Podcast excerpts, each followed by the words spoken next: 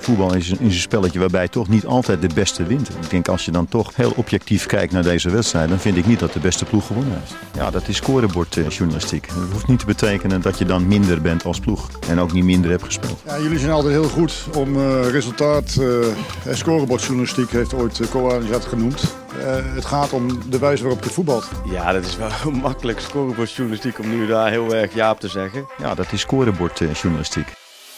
Scorebordjournalistiek, speelronde 6.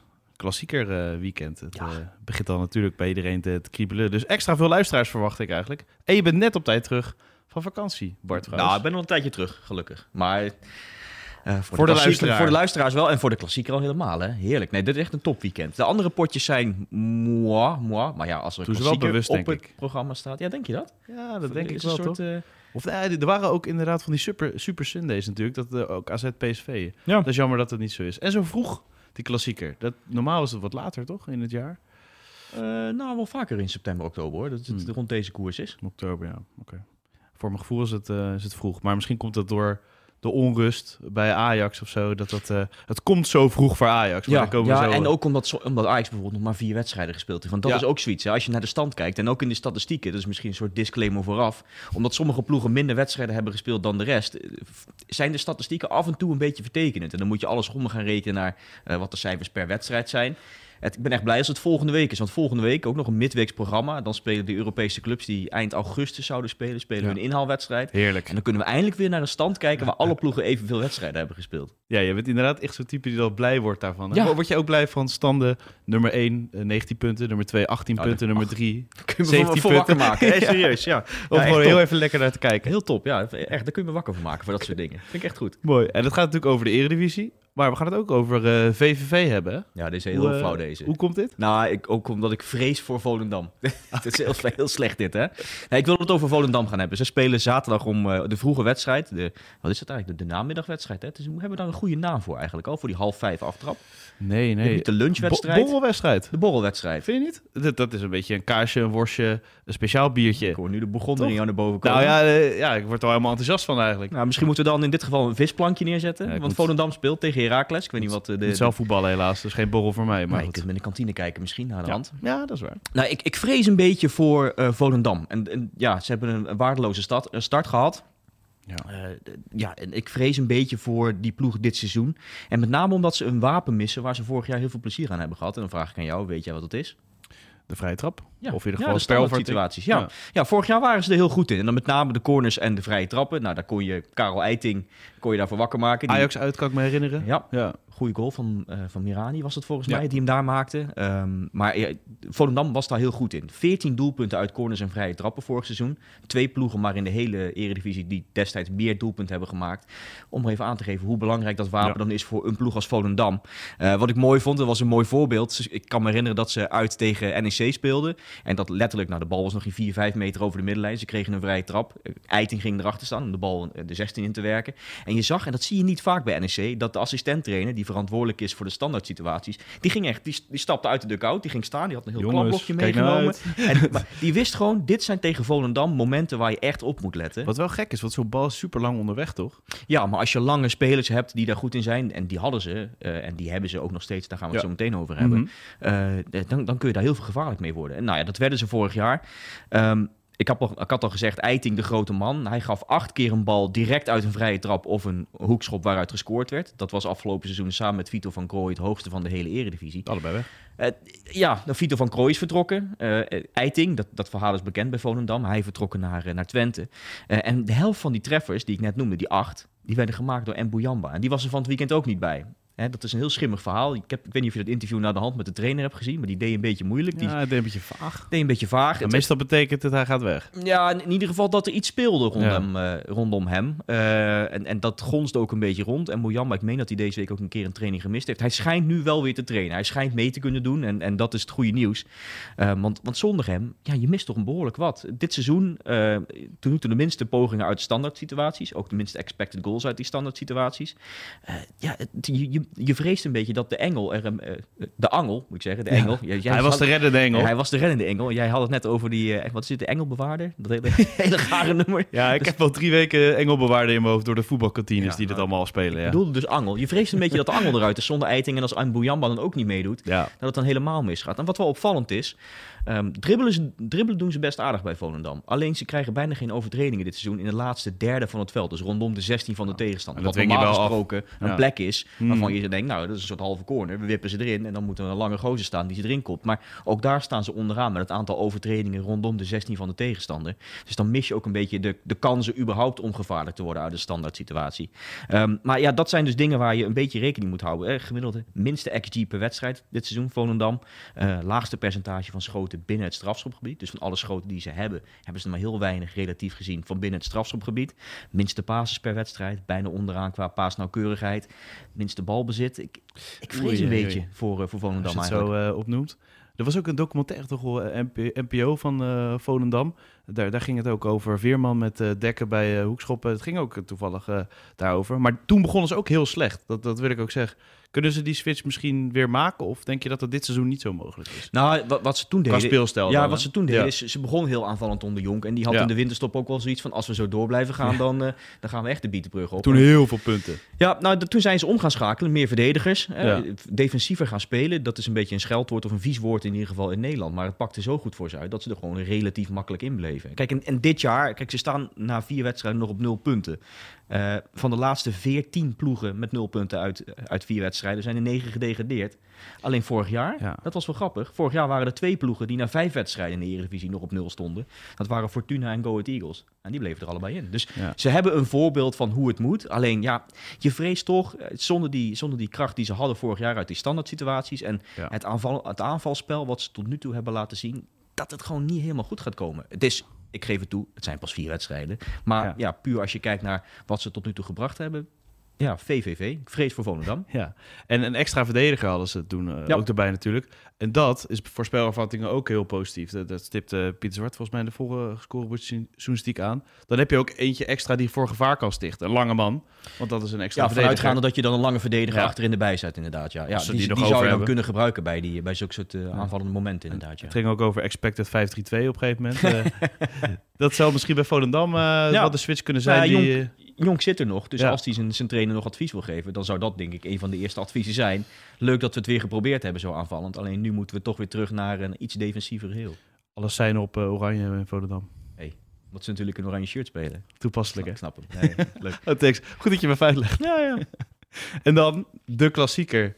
Uh, ja, dat is een beetje een. Uh, ja, het voelt een beetje als een gekke wedstrijd. Doe ik sowieso de Europese week. Uh, Marseille weet ook niet hoe dat uh, gaat uh, vallen nu we opnemen. Feyenoord, ja, dat moet uh, even als soort disclaimer ja. erbij zeggen. Hè? We ja. nemen dit donderdagmiddag op. Vanavond, ik weet niet wanneer je luistert, maar vanavond voor ons spelen ze dan die wedstrijd tegen Marseille. Het kan maar zo zijn dat ze er... drie blessures of, of dat ze er helemaal afgaan en dat de trainer eruit gaat morgen. Dat zou allemaal kunnen. Dus we nemen dit op in de wetenschap dat die wedstrijd nog op het programma staat. En, en Celtic, uh, Feyenoord heeft natuurlijk gewonnen, niet geweldig gespeeld. maar dat allemaal meenemen en hoe Feyenoord ervoor staat en Ajax. De rollen zijn natuurlijk echt gewoon helemaal omgedraaid hè, in een jaar. Ja. Ajax is, uh, nou, op zijn gezegd, niet de favoriet. nee. nee. nee wat, wat, is jouw gevoel eigenlijk bij die wedstrijd, als, als iemand met enig voorkeur? nou ja, dat is mijn probleem misschien ook wel een beetje, dat je, ja, vorig jaar was uh, voor het eerst sinds hoeveel jaar dat ze dat wonnen natuurlijk. Maar um, ja, dat gevoel blijft er gewoon zitten van, ja, het is, nou, ik, ik wil niet zeggen wedstrijd op zich, maar ik zeg hem heel zacht. Maar dat zou misschien voor Ajax natuurlijk ook zo kunnen zijn. Alleen, ze hebben nu geen enkele speler die kan aangeven van... jongens, dit is die wedstrijd waar, waar het om gaat. Ja, misschien Gorter, want die... Uh, op uh, interview op VI ook volgens oh ja, mij. Ik denk dat Berghuis dat toch wel duidelijk kan maken. Ja, ja maar dat speelt. Maar is dat een Ajax ziet, weet je wel? Dat is weer een andere vraag. Ja. Uh, Davy Klaassen is er niet meer bijvoorbeeld om te vertellen hoeveel dit betekent voor de stad en voor de, de club. Maar ja, misschien dat Stijn dat wel duidelijk kan maken. Maar ja, dat is het positieve punt. Maar ik, ik denk altijd van, ja, je hebt niet zomaar gewonnen. Heel veel mensen zeggen nu, ja, 0-3, 0-4 is kunnen kiezen. Maar het blijft gewoon Ajax uit. Ja, mee eens. Dus Nou, het, ja- grap- het grappige dat je zegt is... ik weet niet welke ajax het moet gaan duidelijk maken... eh, wat, wat de belangen zijn die nu op het Nee. spel staan. Terwijl er wel een hele hoop ajax al in actie zijn gekomen dit seizoen. Om, eh, om er even aan te geven. 25 verschillende spelers gebruikt in de eerste vier speelronden. Ik, ik had voor de grap eh, de, de, de, veel, de ja. soort duiventil bij Duivendrecht. Waar het- we ook zitten trouwens. ja, nou ja, en waar Ajax eh, het stadion ook ongeveer heeft staan. Maar 25 verschillende spelers. Nooit eerder gebruikte een club in de hele historie van de Eredivisie zoveel verschillende spelers in de eerste vier speelronden. Eh, en ook 21 daarvan die al in de basis hebben gestaan. Eén- dat is ook een record. Nog nooit stonden er 21 verschillende spelers in de basis bij een elftal in de eerste vier wedstrijden van een seizoen. Dan is de genoeg. quizvraag natuurlijk welke vier spelers vielen, vielen naast de boot. Noem er al de eentje. boot. Ja, jij noemde er al eentje, Klaas inderdaad. Nou, denk er maar heel even over na. Eh, dan eh, kom ik zo meteen met het antwoord. Maar het, het, het, om maar aan te geven wat, wat, ja, wat voor een ongelofelijke duiventil het nu is inderdaad in, in Amsterdam. Kijk, het is niet gek met, met de transferwindow die nu eh, zo laat valt. Ja. En je speelt de eerste paar wedstrijden, dan kan het zijn dat de spelers weggaan. Nou ja, Klaassen, die je net genoemd hebt, was daar een voorbeeld van. Kudus Eh, of Ares. se- ja. Selecties worden steeds groter. Ja. Hè, dat zie je nu ook. Als je nu kijkt naar het...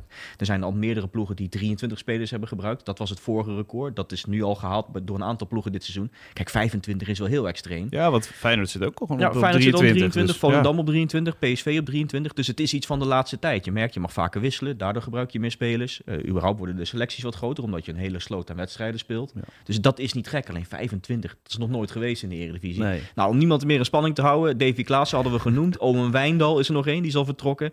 Anton Guy, ik, ik weet nog steeds niet of ik dat goed uitspreek. Denk het wel, ja. Denk het ook. En Mika, Mika Gods, die, eh, dat zijn de vier spelers die dan net niet in de basis stonden dit seizoen bij Ajax. Maar eh, ja, de andere 21 wel. Samen dus 25 verschillende spelers.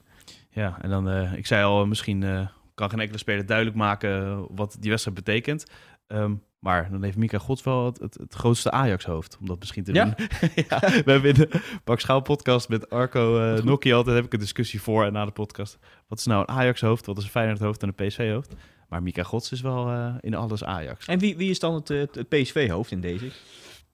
Van, eh, oh, nou ja, bijvoorbeeld, ja, Luc de Jong is echt een Ja, zo PSV-hoofd. bedoel je, ja. ja. Oké, even dan weet ik wat jij ongeveer... eh, En hij vond beeld is, Quilinci Hartman een Feyenoord-hoofd. ja, ja. Oké. nou, maar het is wel heel gebaseerd op clichés. Ja. Wat ik, wat ik wel aardig vind, en dat wilde ik nog even aanstippen dit seizoen bij Ajax, is hoe makkelijk eh, spelers door die defensie heen lopen. Nou, je hebt Ja. het vorige week gezien tegen Twente. Dat ging wel heel makkelijk. Eh, Maar maar vierdaagse was het, ja. ja, nou ja, inderdaad. Alleen dan niet wandelen, maar iets. eh, het, is, het was snel wandelen tot, tot, tot sprinten. Ehm, en, en wat dan grappig is, is dat je kunt kijken hoe vaak Ajax een balcontact tegenkreeg in de eigen 16. Hè, hoe vaak je tegenstander daar een bal mocht aannemen, mocht schieten, mocht doen. eh, nou ja, dan, dan voelden spelers zich in een soort speeltuin afgelopen week. Zeker Twente. Eh, Twente, dat is wel grappig. 27 balcontacten in de 16 van Ajax. 27. Dat is best wel veel. Maar dan zie je, Excelsior en Fortuna, nog erger. die, die hadden er zelfs nog meer. Drie wedstrijden op rij, minimaal 25 balcontacten in de 16 van Ajax. Dat is in de, sinds 2010, 2011. Dus eigenlijk het startpunt van de geavanceerde statistiek in de eredivisie. Is dat maar één keer eerder gebeurd dat het Ajax overkwam. Drie wedstrijden op rij, dat het zo'n open huis was achterin. Ehm, en als je dan de- het hele seizoen neemt, dat zijn vier wedstrijden... dan hebben ze gemiddeld 25 balcontacten per, per wedstrijd in de 16 tegengekregen. Ja, dat is absurd, absurd hoog voor Ajax. Afgelopen seizoenen lag dat aantal meestal rond de 15. Nu dus in de eerste wedstrijden 25. Ja, je loopt er gewoon doorheen. En je, en je als, als, als je Ajax lief hebt, dan zou ik een beetje vrezen voor die wedstrijd. Zeker als je weet Ja. hoe makkelijk Feyenoord combineert. We hebben het vorige week gezien tegen Herenveen. Die combineren makkelijk tot aan de 16. Kom ik zo nog met een andere statistiek bij. Maar het, deze statistiek, het aantal balcontacten wat Ajax dus tegenkrijgt in eigen 16, geeft wel aan wat voor een soort open huis het is. En ik snap het, je hebt een hoop nieuwelingen. eh, taaltechnisch is het misschien lastig, omdat niet iedereen elkaar makkelijk kan begrijpen, Ja. verstaan. Maar hoe lang heeft dat nodig? Dan, Ja, dan dat ben je, dan ben je al de Sjaak misschien eh, na tien speelrondes. Dan, valt het misschien, maar dan sta je misschien tien punten achter. of zo. Ja. Ja. onder Frank de Boer ze natuurlijk eh, eh, heel veel seizoenen gehad dat ze gewoon 12 punten achter stonden, dat ze nog kampioen werden. Maar met de PSV en Feyenoord in deze vorm gaat het natuurlijk niet worden. Denk ik, met zo'n absoluut niet. Nee. En ja, het, het is, het is, een, het is een, een heel slecht teken dat die defensie dus zo, eh, zo lek is. En dat je daar zo makkelijk doorheen combineert. En dat je zo makkelijk tot je balcontacten in het gevaarlijkste deel van het veld komt als tegenstander. Aan de andere kant, qua perspectief, hè, als Ajax wint, dan staan ze in verliespunten gelijk met eh, Feyenoord. Hè? Ja, kijk, het, het- we, we doen nu alsof, eh, alsof het kalf al verdronken is. Ja. Maar laten we, Maar dat laten we ook een beetje... beetje hè, we, we zitten nu voor die wedstrijd tegen, tegen Marseille. Ja, Er- komen twee belangrijke wedstrijden aan voor Ajax. Maar ja, er is natuurlijk nog geen echt man overboord. Nee, maar je hebt natuurlijk misschien dat al, al die spelers. Het is zo chaos genoeg, Ja, eh, dat je bijna vergeet dat het qua punten eigenlijk nog wel meevalt. Maar dat wil niet zeggen dat ja, de kans groot is dat Feyenoord wel eh, gaat pakken. Maar qua cijfers inderdaad, wat jij zegt, Ja. als je zoveel balcontact in de 16 hebt, en Feyenoord gaat er wel van profiteren. Al zegt Slot altijd dat Feyenoord zich vaak tekort doet, hè? Als ze dicht bij die 16 Mhm. zijn. Tegen Sparta bijvoorbeeld, zei hij. We komen heel veel in de 16. Ja. In de eindfase lukt het niet. Nou, dat ging tegen Heerenveen wel van een leidakje natuurlijk. absoluut. Nou, en dat is het mooie aan Feyenoord dit seizoen. Ehm, volgens mij heeft Pieter dat hier ook al aangestipt vorige week over eh, de PPDA, de, de Ja. basis per defensieve actie. Het is net wat anders, hè? Ja, als je, Ja. als je, als je wat, iets, wat, iets wat doortrekt, kun je kijken naar de statistieken, bijvoorbeeld aan, aan balbezit. Dat ligt iets hoger. Ook hier weer eh, een soort, soort kanttekening dat Feyenoord pas een aantal wedstrijden heeft gespeeld. Je moet, en ook qua tegenstand misschien nog niet echt danig op de proef is gesteld. Maar wat meer balbezit dan in voorgaande jaren. eh, een stuk meer passes dan in voorgaande jaren per wedstrijd. Eh, en als je kijkt dan naar dat combinatiespel. eh, vorig jaar hadden ze gemiddeld per wedstrijd ongeveer 3,2 aanvallen over 10 schijven. Die eindigden met een schot of een balcontact in de 16. Ja. Drie- 3,2 per wedstrijd. Nu ligt het aantal op 5,2. En dat is net die, die statistiek die mooi koppelt met het aantal balcontacten wat Ajax tegenkrijgt in eigen 16. Eh, Feyenoord kan dus aardig tikken. eh lost dat op met een schot of met een balcontact in de 16 van de tegenstander. Geregeld dus dit seizoen. Daar vrees je dan voor als je als, eh, als Ajax kijker naar zo'n wedstrijd toeleeft. Van, oeh, Ja. als Feyenoord zo makkelijk combineert en het gaat ze zo goed af dit seizoen. Ja, hoe gaan ze dat in de arena aanpakken dan? Maar hebben ze niet meer passes nodig om tot een kans te komen? Misschien dat, dat Kuxu veel directer die paas kon geven. Nou, dat, is, Dat- is een is- aardig punt wat je maakt. Dat, dat zou je inderdaad kunnen zeggen. Van, eh, eh, is het niet bijna te stroperig? Is het niet te veel van, van Ja. het getik? Maar als je alsnog dat, dit soort eindproducten hebt... dus als in een schot of een balcontact in de 16... je komt wel waar je wil zijn. En, en dan denk ik dat je, eh, dat je als Feyenoord zijn er wel goed bezig bent. Kijk, als ze toch geen schoten zouden komen... en ze zouden Nee. oeverloos gaan rondtikken... dan is het een ander verhaal. Ja. En dat idee krijg je een beetje eh, bij Ajax dit seizoen. Eh, dat Ajax alsnog het meeste balbezit heeft in de Eredivisie. Maar als je dan kijkt naar waar het balbezit is, dan is het niet bij het doel van de tegenstander. Dan is het een stuk minder dan, ja. als je dat, dan dat je dat vergelijkt met PSV en Feyenoord. Dus Ajax wel het meeste balbezit, maar niet zo gevaarlijk in, in het balbezit. Of de gevaarlijke plekken in ieder geval, als, als PSV en, en Feyenoord. En eh, volgens mij 17 goals in de laatste drie wedstrijden. En 19 over eh, de laatste vijf. Ja. Dat, dat is wel echt heel veel Bijzonder, voor hè? Feyenoord. Ja, nee, absoluut. Eh, de- het is heel lang geleden dat Feyenoord voor het laatst zoveel doelpunten gemaakt heeft in de eerste vijf Ja. speelronden. Een goede 50 jaar geleden. En het leuke is ook dat, dat ze elf verschillende doelpuntenmakers hebben. Je had het vraagstuk wie moet er Europees in de spits gaan Hm, spelen. ja, en ik ja. kon eigenlijk zeggen, nou iedereen kan een doelpunt maken. Al miste je wel tegen Celtic iemand die de bal goed kon doorspelen. nee, dat, daar ben ik met je eens. Minte steeds net tekort. Maar nee, ja, misschien maakt het over heel het seizoen niet zoveel uit wie je er neerzet. Ja, nou ja, we hadden het, we hadden het net al over eh, het feit dat eh Feyenoord een, dat het vorig jaar een lange tijd geleden was dat ze, eh, dat ze een, een zege boekten in de arena. Ja. Nou, de laatste keer dat ze voor het laatst twee keer op rij uitwonnen. Ik denk dat jij niet geboren was. Ik weet, wel, ik, ik weet het wel zeker. ik Laatste- kijk even naar mijn hoofd. Ja, nee, ik zit even te kijken. Nee, toen was je niet geboren. Ik was het net hoor. De laatste keer dat het, eh, dat het lukte. Twee wedstrijden op rij dus gewonnen in, de, in, in Amsterdam. De arena bestond nog niet. Het was in 86 en 87. Ja, dus in die seizoenen 85, 86 en 86, 87. Toen wonnen ze twee jaar op rij in Amsterdam. Terwijl de jaren Gaat het 80 niet zo heel lekker waren eh, voor Feyenoord trouwens. Dat is wel bijzonder, maar goed. Gaat het gebeuren, denk je? Ja, ik, ja, ik heb overal gezegd 2-2. Ik denk dat het eh Ajax toch een soort opleving heeft en dat het een keer een beetje goed valt. Dat Feyenoord zich terug moet eh, knokken in die wedstrijd. En dat dat dan wel lukt. Maar ik denk een gelijkspelletje. Maar ja, je kan misschien wel eh, een beetje raden wat ik hoop. Klein beetje. Ja. Ik was trouwens min 10 in, eh 19, ja, ja, ja, 1985. Ik weet niet eens of je ouders al bij elkaar waren. ik ben ge- geboren in het jaar dat Ajax de Champions League wint. Kijk aan. Dus. Nou, voor de luisteraars thuis, die kunnen nu gaan hoofdrekenen hoe oud je ongeveer bent. Maar goed. Eh, ja, we hebben het over het scorend eh, vermogen gehad. Ehm, was dit eh, het voor de klassieker of hebben we nog meer eh, Ik zou hem hierbij opvallende- laten. opvallende Ja, statistieken? ik zou hem hierbij laten. Dan hebben we nog... En wat denk jij, Bart? Dat Ik- is ook belangrijk. Ik zou, het- ik zou het eigenlijk wel, wel leuk vinden als Feyenoord twee keer op rij wint in de arena. Alles maar voor het verhaal. Eh, En je en, hebt een tweetje al klaarstaan natuurlijk. Eh, dat is ook- Nou, dat is een goed idee. Ik ga hem nu even timen. Ja. Ik, ik zet hem klaar. In Ja. de concepten. Dat doe je wel, toch? Je hebt wel vaak een tweetje klaarstaan van statistieken voor als iets gebeurt, toch? Af en toe, ja. Dan heb Denk ik iets in mijn hoofd zitten. Of, eh, soms gebeurt iets en dan zie ik drie seconden eh, geleden geplaatst. Dan denk ik, hoe doet hij het toch? Ja, nee, sommige dingen, eh, dat, nou, dat hoort ook bij je vak. Ja, Eh, tuurlijk. bedenk je vooraf. Sommige eh, scenario's ga je af. Wat zou er kunnen gebeuren? En dat ga je dan een beetje uitzoeken. En, en als het dan gebeurt, dan Ja. heb je een topdag. En dan, en niet, dan blijft hij drie jaar in je concepten staan. Dan denk je, oh ja, dat was toen. Ja. En dan af en toe ga je door die concepten heen en dan gooi je er al wat uit. En je kijkt het voetbal eh, bij de NOS, toch dan? Zondagmiddag, ja. Dus dan tussendoor, eh, tussen praten door even een tweetje. Het eh, werk gaat in één stuk door, hè? Zo Voor, voor een cijferman. Ja, houd niet op. En kijk je in... Is dat niet een leuk stuk een keer voor de mediazaken? Een kijkje in het... eh, Je gaat hier je eigen verhaal al, al bedenken. van een cijferman. Nou, is goed. Gezellig. Kom een keer langs. Hoe heb je dat eigenlijk toegeëigend? Want we, we zeggen altijd cijferman of cijferfetischist. Wat zeg je zelf? Eh nou, fetischist klinkt dan een beetje vie- vies, vind ik. Ja. Eh, nee, zij, ja, ik weet niet. eh, ooit zo een keer genoemd volgens mij. En een soort geuzennaam die, die je dan bijblijft, ja. Oké, mooi. Dan gaan we nog naar AZ. Die, ja, een beetje anoniem tussendoor, hè? Want niet iedereen heeft het over AZ. Veel, gaat veel over PSV, Feyenoord, wat we al zeiden. Maar ja, uitstekende resultaten. Het is eigenlijk helemaal niks op af te dingen wat daar gebeurt. Ja, vier, vier gespeeld, vier gewonnen. Ja. Twee keer eerder in de hele clubhistorie dat ze zo goed aan een Eredivisie seizoen begonnen. Ja, want ik kan me herinneren vaak wel gelijk spelletje of eh, dan, dan wel weer goed terugkomen. En dan weer al vaak op het einde. Maar Ja, dat is ja. een beetje de, hoe AZ-seizoenen gaan. klopt ja. Ik heb slecht nieuws voor PEC Zwolle, want daar spelen ze de late wedstrijd op zondag tegen. Eh, de, de voorgaande twee keer dat AZ de eerste vier wedstrijden won, wonnen ze ook minimaal de vijfde wedstrijd. Dus Kansloos Als ze deze reeks doorzetten, kun je hier alvast een overwinning voor AZ eh, inschuiven. Ja, wat ik mooi vind aan AZ is dat ze een beetje... Kijk, je moet wel zeggen, AZ heeft een relatief makkelijk programma gehad. Vind je niet? Als je naar de tegenstanders kijkt, ik heb ze opgeschreven. Go Ahead, RKC, Vitesse. Sparta vond ik wel een knappe overwinning trouwens. Nou spelen ze dit weekend tegen, eh, tegen Zwolle. De week erop tegen Heracles, daarna tegen Fortuna. Het, het zit niet tegen... Fortuna is natuurlijk goede vorm. Ja, goede en je moet ook ploeg, wel zeggen, eh, Sparta bijvoorbeeld ook gewoon in het linkerrijtje. Ja. Dus het is, het, is geen, het, het, het is geen hele makkelijke eh, opening van het seizoen. Maar ja, er zit nog geen echt topduel tussen. En dat, ja, misschien Sparta kan je daaronder scharen eh, op basis van de resultaten van vorig seizoen. En dat ze dit jaar ook wel weer goed doen. Alleen, ja, je, je, je vraagt je toch af hoe ze zich houden tegen, nou ja, noem een wedstrijd tegen PSV, ik noem maar iets. Twente. Of tegen eh, Twente. Ja, nou, daar heb ik wel, eh, wel zin in. En wat ik ook mooi vind, is dat Pavlidis in bloedvorm is.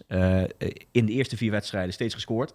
Hij kan de tweede speler worden in de hele historie die in de eerste vijf wedstrijden van een seizoen scoort.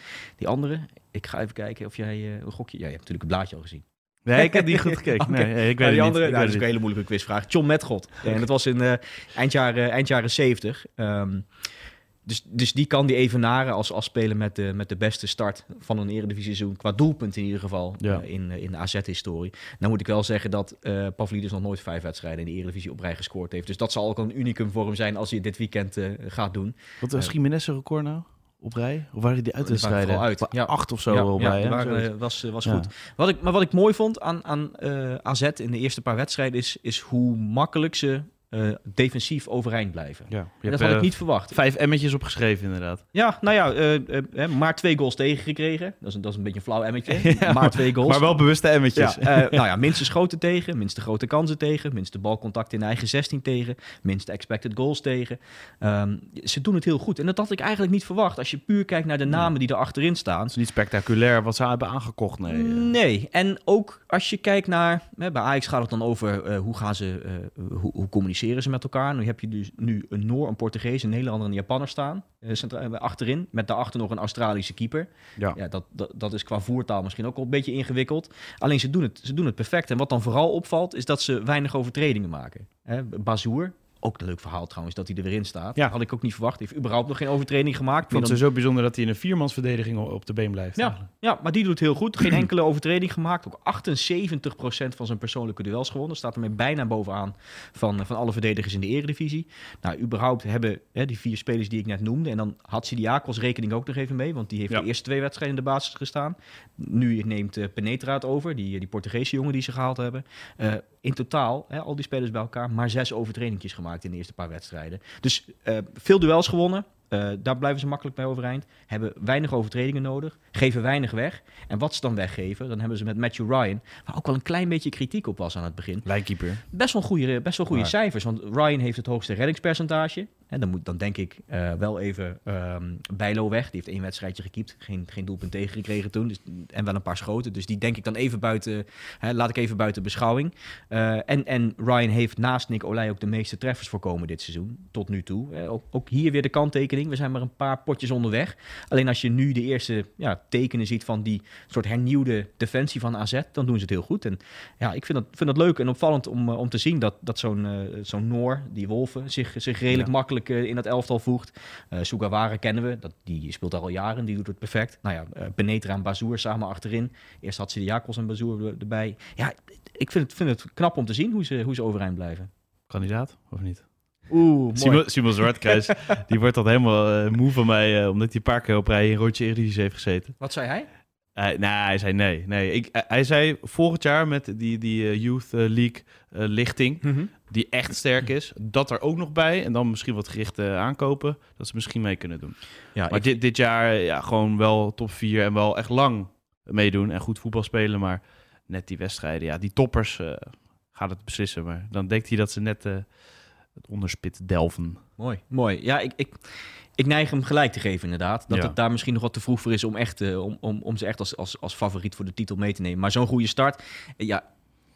Het zou zomaar kunnen dat ze na een wedstrijd of zeven nog steeds eh, Ja. zonder puntenverlies zijn. En dan moet je ze helemaal nageven dat ze een topstart hebben gemaakt. Alleen ik wil toch wel even zien tegen nou ja, een Twente, een Ja. PSV, een Feyenoord en, en puur alleen. Hè, misschien dat Ajax wel een beetje in een wak zit. Maar als clash zijnde, eh, Ajax AZ, daar heb ik ook wel zin in om dat soort potjes te zien. En dan kijken hoe AZ overeind blijft. Vorig seizoen sowieso met dat WK een beetje een gek seizoen. Eh, maar het was wel heel lang een top 5. Ja. Toen was er eh, natuurlijk dat eh, Twente Zerouki niet wilde eh, verkopen, omdat het nog concurrentie eh, van Feyenoord was.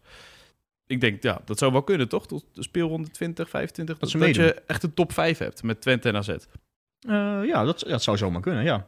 Dat is voor onze Waarom podcast. NVI eh geweldig Ja. natuurlijk. Ja, en voor, de, voor eh, eh, Jan met de pet thuis op de bank. Ja. ook hè? Ik zie dat je teletext nog even Ja, ik geopend zit nog even te kijken of ik nog iets van wedstrijden heb waar ik me echt op verheug. Maar ik zei net al, de, de kraker is natuurlijk de klassieker. Ehm Sparta-Vitesse vind ik op zich een leuk potje. Eh, de, de, de, de Bas Dos Derby, NEC Utrecht. Kan ik me ook wel op, op verheugen. Eh, maar ja, het gaat toch alleen om de klassieker. En daar ga ik echt, echt van genieten dit weekend. Mooi, dan wens ik je veel plezier. En de luisteraars natuurlijk ook. Jij ook, dankjewel. Tot, tot de volgende. Voetbal is een, is een spelletje waarbij toch niet altijd de beste wint. Ik denk als je dan toch heel objectief kijkt naar deze wedstrijd, dan vind ik niet dat de beste ploeg gewonnen heeft. Ja, dat is scorebordjournalistiek. Dat hoeft niet te betekenen dat je dan minder bent als ploeg en ook niet minder hebt gespeeld. Ja, jullie zijn altijd heel goed om eh, resultaat. eh en scorebordjournalistiek heeft ooit uh, Koan dat genoemd. Eh, het gaat om de wijze waarop je voetbalt. Ja, dat is wel makkelijk scorebordjournalistiek om nu daar heel erg ja op te zeggen. Ja, dat is scorebordjournalistiek.